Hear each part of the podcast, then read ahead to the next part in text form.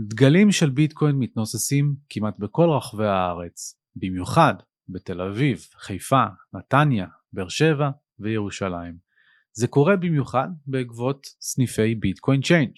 Bitcoin Change זה למעשה החנויות הפיזיות הראשונות שהוקמו במדינת ישראל על מנת להנגיש את הכספומטים ואת השירות האישי וחוויית הקנייה גם לאינדיבידואלים שמעוניינים לעשות זאת עם ליווי ועם מזומן.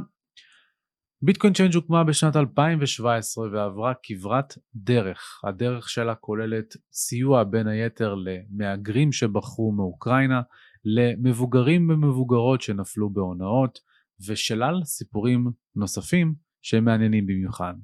אז הזמנתי את אבי דיין, חבר קרוב מהתעשייה ובמקרה גם המנכ"ל והמייסד של סניפי Bitcoin Change כדי להסביר למה הוא בחר לשים את עצמו במרחב הפיזי ולא במרחב הווירטואלי, על העבודה מול הרגולציה ומה היא דורשת ממנו, מה זה בכלל אומר לתפעל כספומט ביטקוין במדינת ישראל, ורמז, זה לא קל בכלל. דיברנו על האימוץ השלילי, החיובי, וביטקוין מול קריפטו, כלומר למה הם נקראים Bitcoin Change ועוד שלל דברים נוספים. אז אם אתם אוהבים את הפרק, אני מזמין אתכם להיכנס אלינו גם לערוץ היוטיוב, גם ל CryptoJungle.co.il, וכמובן ללמוד מהתכנים שיש לנו באקדמיה המקצועית שלנו, וכמובן שאני מעוניין להזכיר לכם שיש שום דבר שאבי ואני אומרים לא יכול ולא צריך לשמש כהמלצה לפעולה או כייעוץ השקעות. אתם ילדים גדולים, קבלו את ההחלטות שלכם עבור עצמכם, ועכשיו, קבלו את אבי.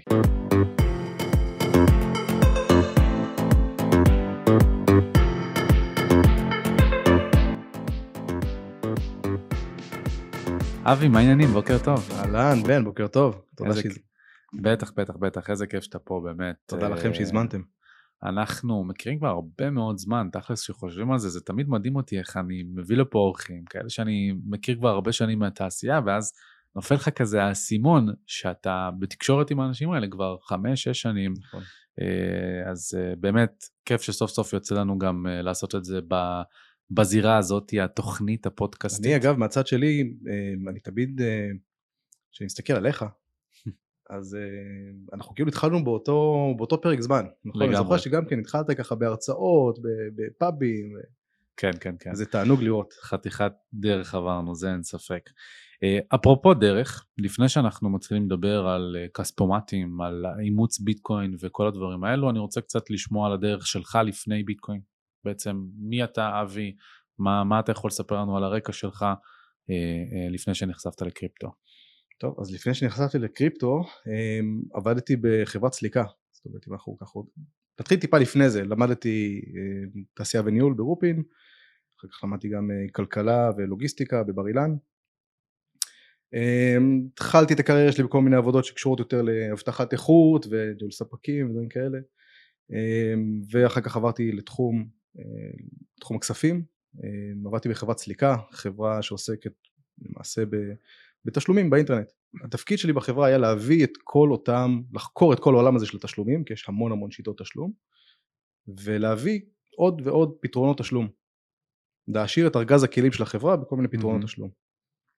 וככה עשיתי את המחקר ודיברתי עם המון חברות אה, סליקה ובנקים וכל מיני שיטות תשלום שונות בעולם.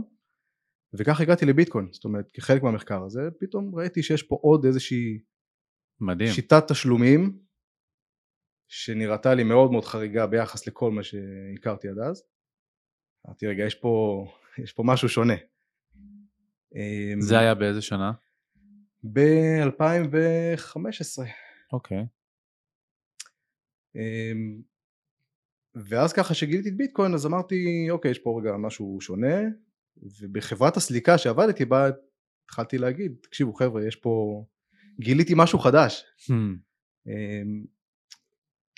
אמ, וקצת בהתחלה גם כן הסתכלו עליי בצורה מוזרה אפילו הייתי אומר.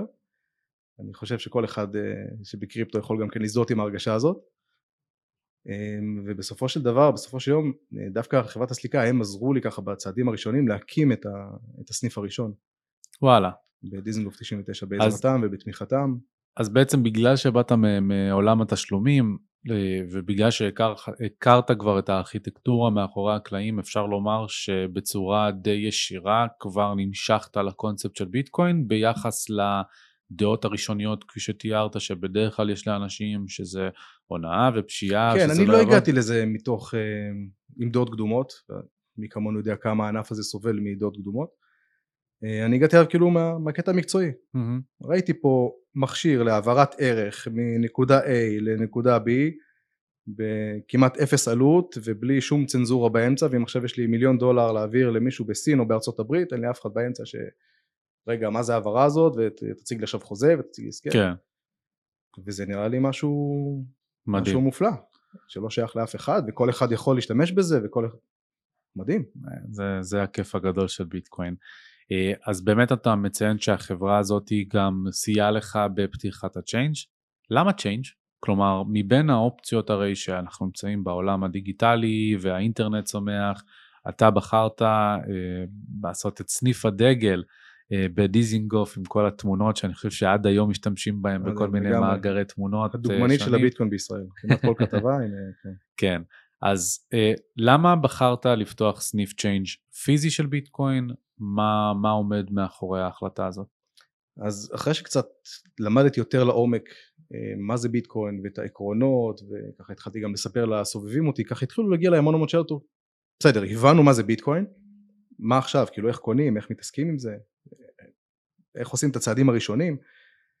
וזה הוביל אותי ככה למחשבה שאנחנו צריכים לייצר משהו לעזור לאנשים לעשות את הצעדים הראשונים האלה ממש כאילו להסביר להם איך לפתוח את הארנק ומה המשמעות אה, לשמור את השחזור גיבוי של 12 המילים אה, וגם לעזור להם ממש כאילו פיזית לקנות את, ה... לקנות את הביטקוין הראשון שלהם אפילו אם זה בסכומים קטנים אפילו אם זה בסכומים של אה, עשרות שקלים 100 שקל כן. בשביל לעשות את ה... לשבור את המחסום הפסיכולוגי וזה גיליתי שאנשים מאוד אנשים אוהבים שמאכילים אותם עם כפית כן, אתה בטח גם כן שמת לב לזה. אז זה מה שלמעשה הוביל אותי להחלטה לפתוח עסק שהוא פיזי, לקחת את כל העולם המבוזר הדיגיטלי ולהביא אותו לממד הפיזי, חנות צהובה שצועקת ביטקוין לרחוב, אמ, גם להוציא אותו הייתי אומר מה, מהמחשכים, כן? זאת אומרת אם עד עכשיו היית, היית רוצה לקנות ביטקוין, אתה הולך לכל מיני חלפנים בלילינבלום או דברים כאלה, אמ, אז כן לפתוח ברחוב ראשי, מקום גדול, מקום מואר, והאפקט היה מדהים. זה גם היה ממש קרוב לתחנת משטרה, נכון? ב- הישנה. כן, בדיזינגוף. בדיזינגוף. נכון. גדול. אמ, מה זה אומר לפתוח צ'יינג'? אופרטיבית, כלומר אני במקום שבו אני יושב ואני מקבל הרבה מאוד פניות מכל מיני יזמים צעירים מבוגרים שאומרים לי בן אני רוצה לפתוח כספומט אני רוצה להביא כספומט לאוניברסיטה אני רוצה לעשות x y ו-z ואני כל פעם אומר להם לכו דברו עם אבי עזבו אותי אז אולי ננצל את הבמה הזאת כדי להבין מה זה אומר אופרטיבית מה צריך לקחת בחשבון כש, כשרוצים להקים דבר כזה כי בוא יש פה וואחד אופרציה בטח ובטח כשאתם התרחבתם, תכף נדבר על זה להרבה מאוד מקומות. אז קודם כל אה, לפני אופרטיביים בואו נתחיל עם הרגולטורי. מבחינה רגולטורית קודם כל כל מי שרוצה לפתוח צ'יינג' או עסק שקשור בהמרת אה, קריפטו לפתוח רגע אינטרנט ולקרוא את חוק הפיקוח על שירותים פיננסיים מוסדרים. אה, אנחנו עדיין לא קיבלנו את, ה, את הרישיון הקבוע אנחנו מקווים לקבל אותו בקרוב. אני למעשה בימים אלה במאי אני חוגג כבר חמש שנים לרישיון הזמני שלי שאני, שהגשנו אותו במאי 2018 אמ, אז קודם כל צריך להבין מהם הדרישות של רשות שוק ההון, ביטוח וחיסכון. אה, והדרישות הסטנדרטיות הן סטנדרטיות, אתה צריך שיהיה לך הון עצמי 300 אלף שקל ואתה צריך שלא יהיה לך רישום פלילי. בוא נתחיל. מזה.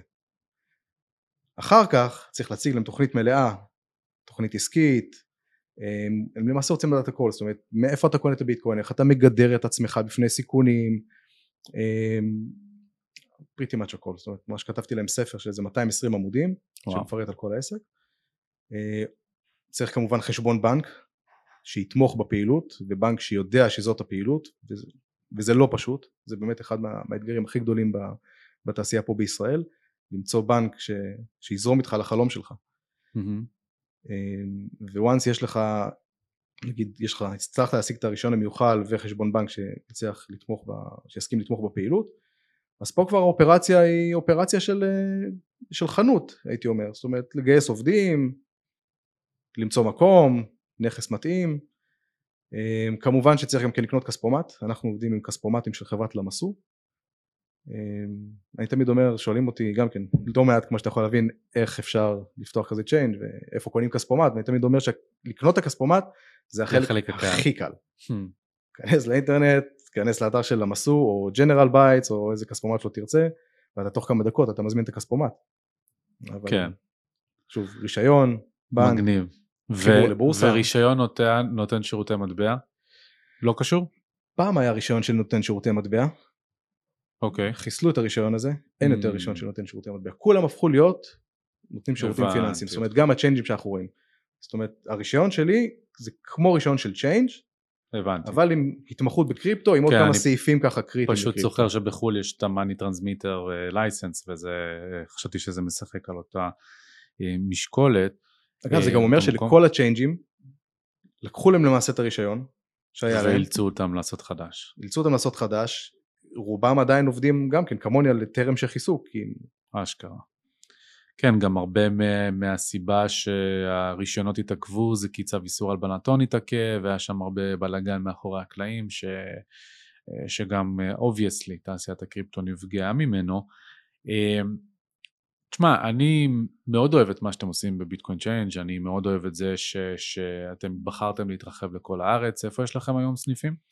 יש לנו, נעבור רגע לפי, לפי סדר הפתיחה שלהם. אז בתל אביב, בנתניה, בבאר שבע, בחיפה, בירושלים, אה, ועכשיו יש לנו גם סניפים חדשים ברמת גן ועוד אחד בחיפה בעיר התחתית. סך הכל אנחנו עומדים על שבעה סניפים. מדהים, מדהים, מדהים. הסניף ברמת גן ממש נפתח עכשיו. ממש לפני... ממש עכשיו, כן. הוא עדיין בהרצה, זאת אומרת. המקום פתוח אבל עדיין לא מעוצב בסטנדרט של Bitcoin Change, יש שם כספומט שהוא מחובר לחשמל, אפשר לבוא לקנות ואנחנו נסדר אותו בזמן. קודם כל לפתוח. אמ, באמת, אני, מה שאני אוהב בזה זה את הבשורה שזה מעביר. כאילו, אני גדלתי, ב, גדלתי, אני למדתי בבאר שבע, אבל הקמתי שם את העמותה, ובין היתר בפעילות של העמותה סייענו לכם אה, במציאת המקום. מאוד, ב, ב, מאוד. אולי זה הזמן ב, להגיד תודה באמת לכל החברים שם שעזרו. ו... באהבה גדולה, במיוחד לאור, ש, ש, אור סנטו, שהיום גם הוא כבר בפארק הייטק, ונתן הרבה מאוד ערך בתהליך הזה.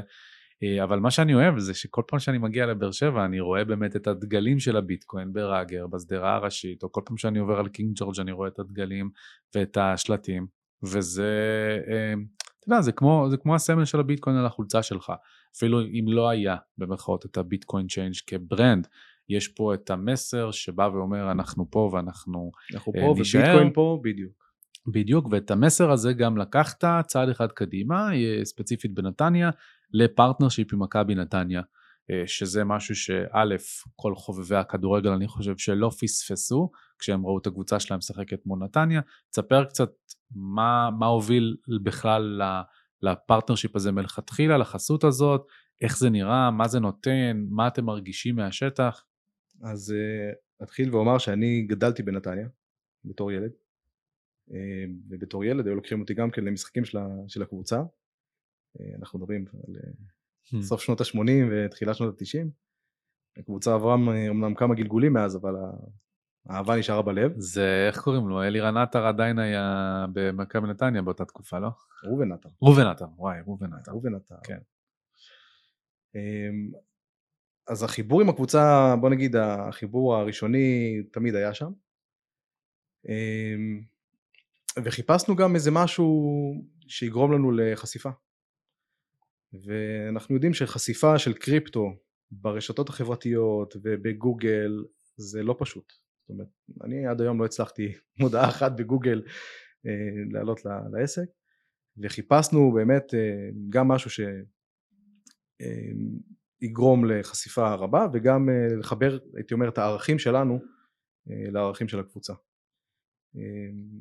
אה, והתחלנו לקחת ספונסר שיפ למכבי נתניה, אמנם אנחנו לא הספונסר הראשי שמופיע בקדמת החולצה, אלא אנחנו ככה מאחורה בקטן, אבל עדיין יש את הלדים שרצים במגרשים, mm-hmm. אנחנו מגרילים אה, כרטיסים לכל אה, משחקי הבית, מגרילים גם כרטיסים עכשיו למשחק הגמר, אה, ערכתי הרצאה לשחקני הקבוצה, זאת אומרת ממש כאילו, תקשיב זה היה אירוע אדיר, פתחתי, פשוט לקחתי את כל שחקני הקבוצה, נפגשנו איתם במגרש אימונים, הרצאה על מה זה ביטקוין, אשכרה עזרתי להם לפתוח ארנקים, ולהפתעתי, תקשיב, יותר מחצי משחקני הקבוצה הם כבר הם שם כאילו כבר לגמרי עם חשבונות בבייננס והם באים אליי אחרי ההרצאה ומראים לי את הטריידים שלהם זה ממש ממש נחמד לראות את זה. גדול. אוקיי, ומה זה, זה long term partnership? זה... כן, בהחלט, כבר שלוש שנים אנחנו ספונסרים של הקבוצה ומתכוון בהחלט להמשיך ולהגדיל את. את שיתוף הפעולה הזה. איזה כיף. אמ, אחד מהמקומות שאנחנו, אני חושב שכולם יודעים שיש שם אדופשן, אבל אף אחד לא יודע כמה, למה ומתי ואיך, זה בעצם נקרא לזה אוכלוסיות המיעוטים, כן? האוכלוסייה הערבית, האוכלוסייה החרדית. אה, אני יודע לומר שהיה אה, כנס בנצרת בדצמבר, שאתם באתם וממש הבאתם את הכספומט איתכם כדי להביא את זה לאזורים האלו, גם בחיפה, בעיר התחתית, זה מיועד, תקן אותי אם אני טועה יותר. אה, לאוכלוסייה דוברת ערבית. בדיוק. אז איך אתה רואה שם את ה adoption, איך אתה רואה שם את ההתרחבות הפוטנציאלית של Bitcoin Change, איך זה מתחבר לחזון שלך? אז בואו רגע נפריד את האוכלוסייה הערבית מהאוכלוסייה החרדית. נתחיל גם עם האוכלוסייה הערבית, mm-hmm. יש שם צמא אדיר אמ, והתעניינות מאוד מאוד גדולה בקריפטו, ראינו את זה גם בכנס בנצרת, אמ, שלרוב הכנסים של הקריפטו לרוב זה לא הייתי אומר קהילה סגורה אבל אתה לא רואה הרבה דם חדש ופתאום בנצרת הגיעו המון המון אנשים שדווקא לא מהתחום. קבלנים שפתאום מתעניינים ורוצים לדעת ורוצים לשאול שמעו על זה ורוצים להיכנס לזה יותר. בכלל בחיפה בכל הסניפים שלנו הייתי אומר אנחנו רואים המון קהל דובר ערבית שמגיע ומתעניין והם לגמרי חלק, מה, חלק מהמהפכה הזאת בארץ. וחשוב לנו גם כן להיות שם בשבילם. זאת אומרת להביא כספומט לדוברי ערבית אנחנו מתחילים עכשיו בחיפה בעיר התחתית במכללת פיננסיקו שמיועדת לקהל דובר ערבית. אה, ואחר כך להתפתח בעוד, אה, בעוד ערים, לשים כספומט בנצרת זה בהחלט אחת, אחת מהכוונות העתידיות שלנו. אמ, לגבי הקהל החרדי הם גם מאוד מתעניינים. אמ, אבל בניגוד לקהל הערבים יותר הייתי אומר חיים בקהילות סגורות משלהם יש להם חלפנים משלהם הם פחות פתוחים חוצה הבנתי ולא לשכוח גם חסם טכנולוגי שהם לרובם צריכים light wallet כזה לרובם אין, אין טלפון אה, שיכול לתמוך בארנק זה טלפונים כשרים. למי שיש טלפון נוסף אז אה, כמובן. הבנתי, כן, זה, זה בהחלט אה, פקטור חשוב, אני יודע שבאפריקה אה, במקומות שבהם יש את. א', את הקושי לשלם על טלפון טוב, ב', את החיבור האינטרנטי המאפן, אה, אז משתמשים בכל מיני light wallets, גרסאות יותר רזות שמאפשרות רק מעט מאוד פעולות. מעניין אם זה יגיע גם כן. הם יעשו מה שהרבנים שלהם יאשרו. באמת, כן. ככה זה עובד. אנחנו ממש. רואים את זה גם בירושלים, נכנסים, זאת אומרת אנחנו נמצאים בירושלים על רחוב יפו, על ציר הרכבת הקלה, ליד הכניסה לשוק מחנה יהודה, ועוברים שם לא מעט חרדים ונכנסים, הם מתעניינים מאוד, mm-hmm. אבל כשהם מגיעים לשלב הזה של אוקיי אז איך אני אעשה את הצעד הראשון, בוא תוריד ארנק, תוציא את הטלפון, ואז... מעניין, שם מעניין. שם לצערי זה נופל. ואז במקרה כזה אתה חושב שהם יותר פתוחים למשמורן בעצם, ל custodial services, או שאתה לא, חושב שגם... לא, אני לא חושב שהם יסמכו על מישהו מהבחינה הזאת. מעניין.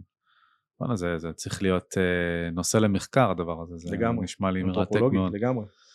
אה, אחד מהדברים שרציתי לשאול אותך זה על ביטקוין מול קריפטו, כי הרי אתם נקראים Bitcoin Change, אה, וזה אחד מה debateים היותר אה, כבדים שיש בתעשייה. אה, האם ביטקוין הוא חלק מהקריפטו, האם יש ביטקוין ויש קריפטו, האם יש סיבה למטבעות אחרים וכל הדברים הללו. מעניין אותי ה take שלך, במיוחד כי אתם קוראים Bitcoin Change ולא Crypto Change, איך אתה רואה את ביטקוין ביחס ליתר, איך אתה רואה את ה adoption של מטבעות אחרים. אוקיי, okay, אז קודם כל אני מאוד משתדל להפריד את דעותיי האישיות מהעסק. דעותיי האישיות זה שיש ביטקוין ו- ואין עוד מלבדו. כל שאר המטבעות אני עדיין מנסה למצוא להם כל מיני uh, שימושים, עוד לא ראיתי משהו פרקטי, uh, למעט stable uh, coins, שזה, אני רואה את זה עוד פעם גם בחיי היום יום שלי, כן, שאנחנו mm-hmm. ככה נמצאים ומוכרים גם כן USDT בכספומט, אנשים משתמשים ב-USDT, אנשים לא משתמשים בריפל או בפוקדוט. מה קרה לך? ריפל זה עתיד הכסף. כן, כן, שמעתי את זה הרבה פעמים. אני עדיין מחכה לעתיד הזה שיבוא, מ-2016. לא ראיתי שום התפתחות של מטבע אחר כמו שרואים את ביטקוין. ו stablecoins. כל שוב, הקונספט, הם שימושיים. וכל הקונספט של DeFi ו-NFT והדברים הללו לא, לא מתחבר איתך? אתה אומר לי NFT, אתה אומר לי DeFi, זה כמו שאתה אומר לי ICO לפני כמה שנים. כל כמה זמן יש איזשהו, עוד פעם בעיניי, כן. אני עכשיו אומר את הדעה של אבי. דיין. אה, כל פעם יש איזשהו הייפ אחר, פעם זה ICO, פעם זה NFT, אה, אבל הייפ ותו לא. אז עסקית אפשר לומר שכרגע אתם לא מחפשים, רישיון לא רישיון, כמובן שהרישיון מונע מזה, כן? אני, תקן אותי אם אני טועה, אבל uh, כרגע אתם לא מחפשים בעצם להוסיף עוד מטבעות לארסנל. איזה מטבעות אתם מאפשרים כרגע? אנחנו מאפשרים כרגע אה, ביטקוין, איתריום, Bitcoin Cash, ואם תרצה גם אני אסביר תכף למה Bitcoin Cash, אני אשמח, אה, כן. ו-USDT. אה, הכספומט עצמו, שאתה קונה אותו, אז מעבר לגוש ברזל הזה שאתה קונה, לחצי טון הזה, אז אתה מקבל גם כן תוכנה. והתוכנה היא open source, אבל התוכנה היא גם אה, מאפשרת לך את המטבעות ביטקוין, איתריום, Bitcoin Cash, USDT, ואפשר גם אה, מונרו, ו Zcash ו Dash. אנחנו אוקיי, בחרנו רק את המטבעות האלה בלי privacy coins וגם לייטקוין אבל פשוט לא ראינו יותר מדי אה, ביקוש ללייטקוין. ול BCash כן? אוקיי, כשהתחלנו את העסק ב-2017 עדיין לא היה את אה, Bitcoin Cash ואז נוצר Bitcoin Cash ואז פשוט ראיתי שהמון אנשים שמחזיקים ביטקוין פתאום יש להם גם ביטקוין קאש. כאילו נוצר כסף יש מאין, נכון. הם חיפשו למכור אותו. נתנו להם את האפשרות למכור את הביטקוין קאש שלהם. ועכשיו יש נבחי מסחר במטבע הזה? Um, בעיקר מכירות של אה, ביטקוין קאש אנחנו רואים אנשים לא כל כך אה, קונים ביטקוין. קאש um, כרגע הסיבה שאנחנו משאירים את ביטקוין קאש זה כי יש לנו המון לקוחות שהם אה, סוחרים בבייננס והם רוצים לפדות את הרווחים שלהם רוצים למשוך את הרווחים שלהם ולהפוך אותם לכסף מזומן ומבייננס הרבה יותר זול למשוך ביטקוין קאש מאשר כן. למשוך ביטקוין זאת הסיבה היחידה טוב, כי אף אחד לא משתמש ברשת. מגניב. Um, תגיד, מה אתה רואה על אדופשן של כספומטים בעולם באופן כללי? מה אתה יכול לספר לי קצת על, ה... על המספרים הללו? אז תראה, קודם כל יש, חבל שאי אפשר, אה, אולי אפשר להציג אחר כך, איזשהו גרף שמראה את, העלייה האסטרונומית במספר הכספומטים, זאת אומרת שאנחנו התחלנו את העסק, היו בעולם אה, כמה אלפים בודדים של אה, כספומטים, איתך ב-2016-2017, היום אנחנו מדברים על, על עשרות אלפי כספומטים, אם אני זוכר נכון את המספרים זה סדר גודל של, אל תפוס אותי אבל בערך משהו כמו 40 אלף כספומטים בכל העולם, כאשר 95% מהם נמצאים בארצות הברית ובקנדה, זאת אומרת שם זה השוק הכי מפותח. אמ, אבל מצד אחד השוק הזה מאוד מפותח בזה שיש המון המון כספומטים, אבל הם נמצאים כזה בתחנות דלק, סופרמרקטים, פיצוציות. בוולמרטים, לא היה גם כן. יש איזה ידיעה על אה, עכשיו אתה. מגיע לשם, אין לך שם עזרה אנושית. במקסימום יש לך איזשהו אינטרקום שאולי מישהו יענה לך, אתה מגיע, אתה לוחץ על כפתורים, הצלחת, הצלחת, לא הצלחת, לא הצלחת.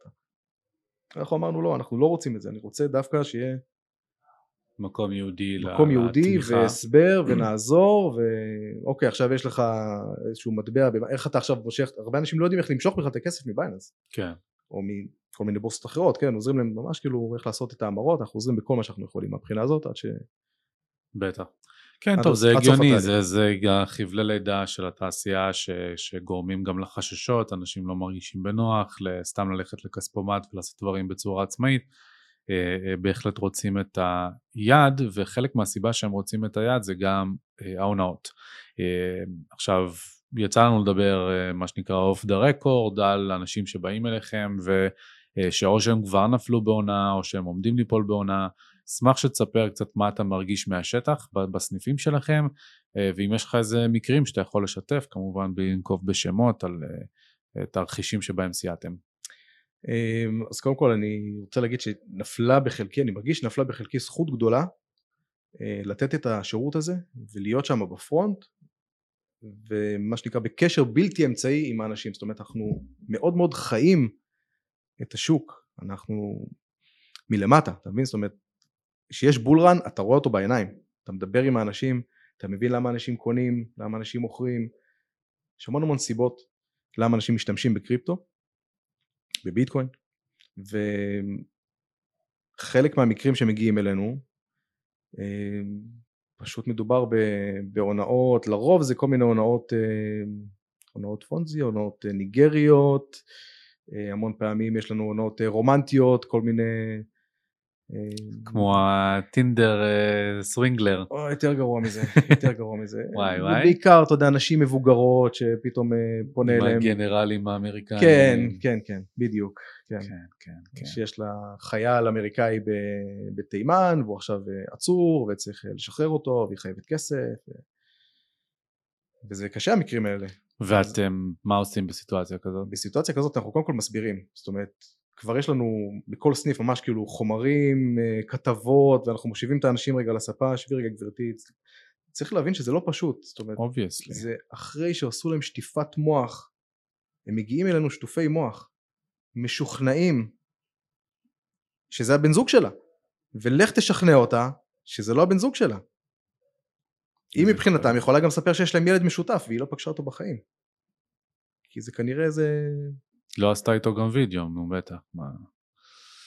והרבה פעמים באסה, קשה באסה. להם כאילו להאמין לסימנים, גם כשהסימנים מולם, קשה להם להאמין לסימנים, גם כשאתה מראה לה את התמונה שלה כאילו חבר שלה, אתה אומר לה תראי זה בן אדם מפורסם, אז קשה להם, אה, חלקם כן, אנחנו מצליחים ככה להוציא אותם מזה.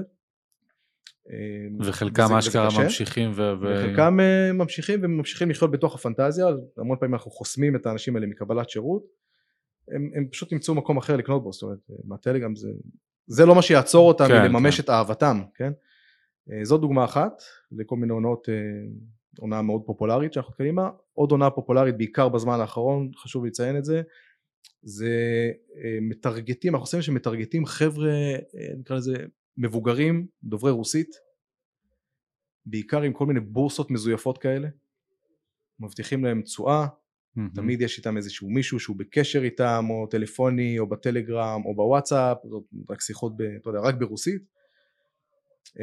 גורמים להם להפקיד כספים לאותן בורסות, ואחר כך כשהם רוצים למשוך את הכסף מהבורסה הם לא מצליחים. צריך- וצריך להפקיד עוד, אם תפקיד עוד אז אני אשחרר כן. לך. בדיוק, ו... ולפעמים גם, אתה יודע, פונים אליהם אחר כך עוד פעם, בצורה של אה, כאילו עורך דין, או, בוא או, אני או בלש לך. מהמשטרה, כן, שהנה בוא, שמעתי על המקרה שלך, בוא אני אעזור לך, עכשיו תפקיד עוד כסף. אשכרה. פה אבל ממש כאילו לדעתי זה איזושהי כנופיה שמטרגטת את אותם אה, חבר'ה דוברי כן. רוסית, מבוגרים, תמימים, שאנחנו שוב מנסים מאוד לעזור להם, יש לנו ממש database שלם, אנחנו בשיתוף פעולה גם עם Chainalysis, גם עם אה, יחידת, ה... יחידת הסייבר בלהב, מנסים אה, לצערי הרב, לחסל את זה כמה שאפשר. כן, לצערי הרב גם אני אה, נמצא בצומת דומה, דומה אה, לצערי ולשמחתי, כן, יש לא מעט אנשים שהצלחתי למנוע מהם להיכנס להונאות האלה, בין אם זה הפונזים, בין אם זה כל הבוטים של הארביטראז', בין אם זה הבורסות המזויפות, כל המגוון כבר עבר אצלי, אבל זה כבר בשלב שצריך ליצור איזשהו פקל אופציות למה עושים באיזה שלב של ההונאה. אה, מאוד מאוד מצער ש- שאנשים, אני, אתה יודע, אני, אני במובן מסוים מאשים את מערכת החינוך, כן, אני, אני חושב ש-99% מההונאות האלה היה אפשר למנוע אם פשוט היו מלמדים עליהם בבית ספר, אני חושב שהסימני האזהרה נגד הדברים האלה הם כל כך פשוטים.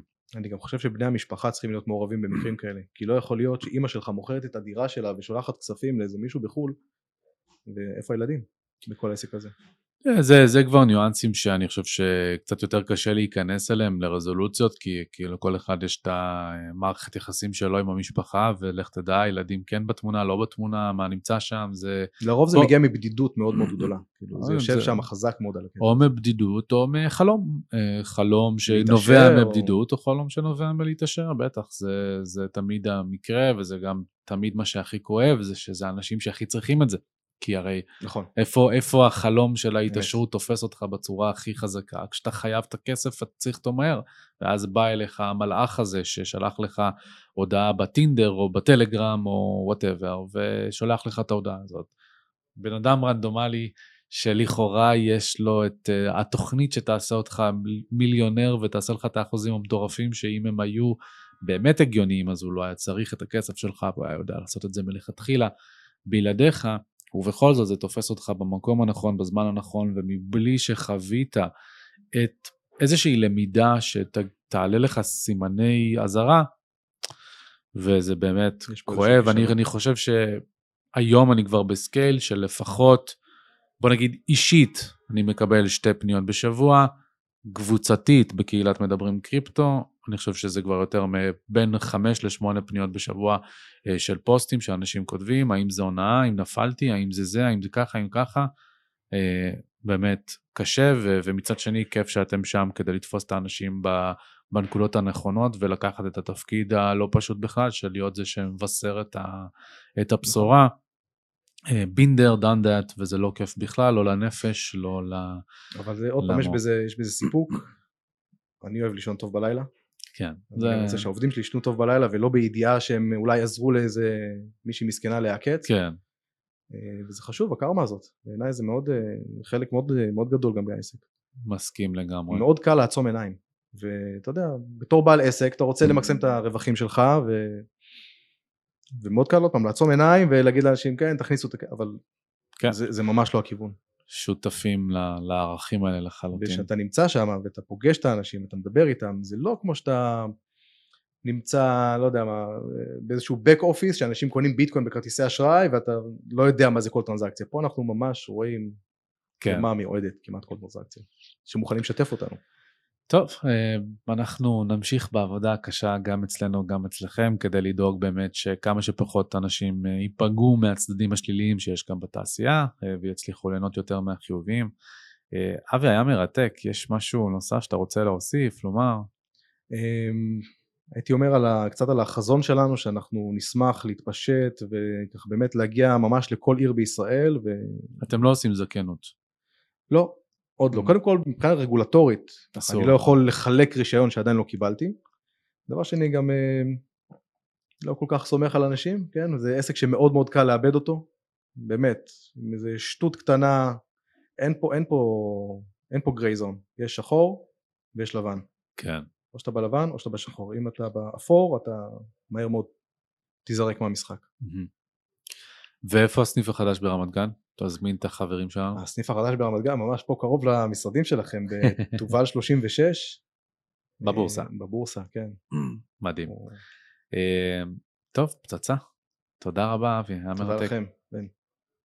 אם אהבתם את הפרק אני רוצה להזכיר לכם לדרג אותנו באפליקציות השונות בין אם אתם בספוטיפיי, אפל, גוגל או כמובן יוטיוב. התגובות שלכם, הדירוגים שלכם מאוד עוזרים לנו להגיע לכמה שיותר אנשים אז קחו את הזמן, תקדישו את הדקה ותפרגנו לנו. תודה רבה ונתראה בפרק הבא.